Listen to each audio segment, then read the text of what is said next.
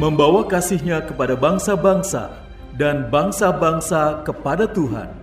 Melalui program Meaning of Life, terimalah salam dari kami untuk seluruh sahabat jangkar kehidupan.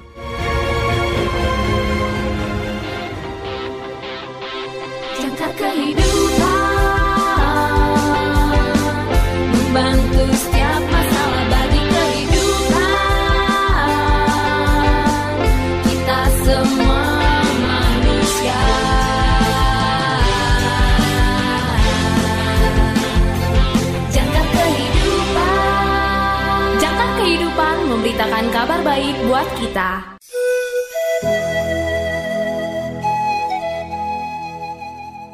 Salam dalam kasih Kristus. Selamat berjumpa kembali sahabat terkasih dalam program renungan Meaning of Life. Renungan pada hari ini berjudul Meskipun Aku Menjadi Pemimpin Para Pendosa, ditulis oleh pendeta Dr. Carol Geisler berdasarkan himne atau lagu berjudul Meskipun Aku Menjadi Pemimpin Para Pendosa, nomor 611 dalam buku pelayanan Lutheran. Sahabat yang terkasih, Berikut ini saya bacakan lirik dari himne atau lagu tersebut. Meskipun aku pemimpin para pendosa, Yesus menumpahkan darahnya untukku. Dia mati agar aku dapat hidup di tempat yang tinggi. Hidup agar aku tidak pernah mati, seperti ranting pada pokok anggur. Aku miliknya dan dia milikku. Oh, begitu tinggi kasih Yesus, lebih tinggi dari langit di atas, lebih dalam dari kedalaman laut, abadi selama-lamanya. Cinta yang menemukanku, pemikiran yang menakjubkan, menemukanku ketika aku tidak mencarinya. Sahabat yang terkasih, pemimpin para pendosa.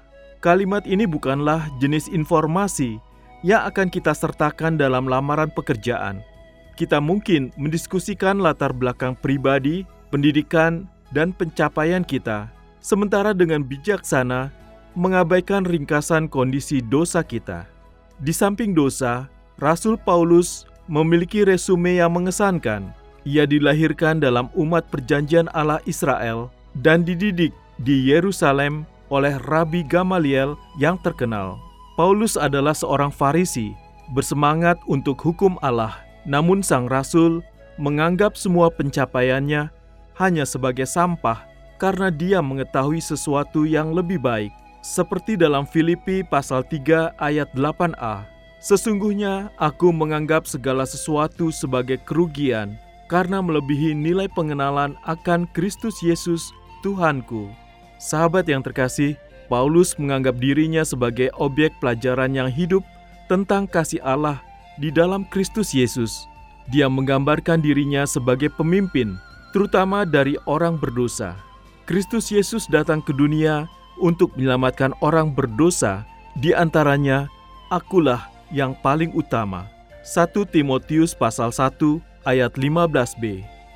Paulus telah menganiaya para pengikut Yesus, memenjarakan mereka dan menyerukan hukuman mati terhadap mereka. Sebagai pemimpin orang berdosa, dia adalah calon yang sangat tidak mungkin untuk kerasulan.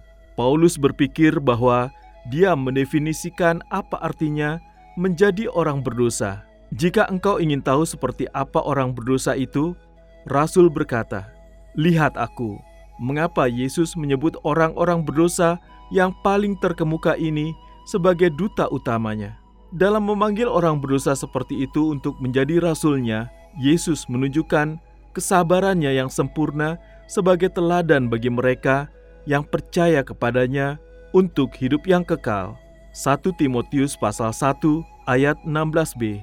Kita berbagi mandat dosa Paulus dan masing-masing dari kita dengan mudah mengklaim gelar pemimpin para pendosa. Kita mungkin sangat religius dan terdidik dalam iman, tetapi kita masih berusaha untuk menempatkan diri kita di atas orang lain, mengikuti keinginan egois kita sendiri, dan berbalik dari jalan dan firman Tuhan. Namun, oleh kasih karunia Allah, seperti Paulus, kita mengetahui ketinggian kasih Yesus, kasih yang kekal selamanya. Kita bahkan tidak mencari kasihnya ketika Kristus Yesus mencari kita dan menumpahkan darahnya di kayu salib untuk membasuh setiap noda terakhir pada resume kita yang penuh dosa. Tuhan kita yang disalibkan dan bangkit adalah yang pertama yang sulung dari antara orang mati supaya ia menjadi yang utama dalam segala hal. Kolose pasal 1 ayat 18b. Yesus adalah yang paling utama dalam kemuliaan dan yang paling utama dalam belas kasihan. Masing-masing dari kita dapat berkata, "Jika saudara ingin melihat orang berdosa, lihatlah aku." Tetapi jika saudara ingin tahu seperti apa juru selamat itu, lihatlah Yesus.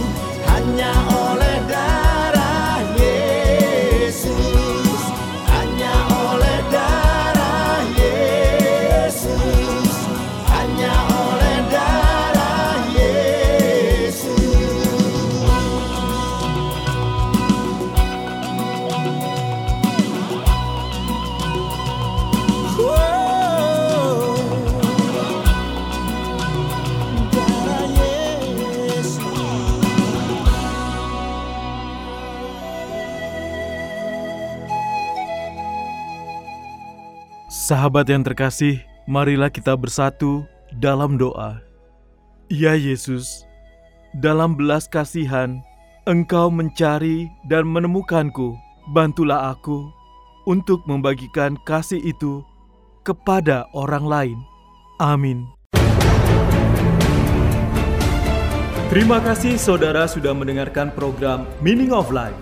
Persembahan Yayasan Jangkar Kehidupan. Jika saudara membutuhkan dukungan doa, silakan hubungi kami, Yayasan Jangkar Kehidupan, di nomor 0853 1056 8008 0853 1056 8008 Tuhan Yesus memberkati.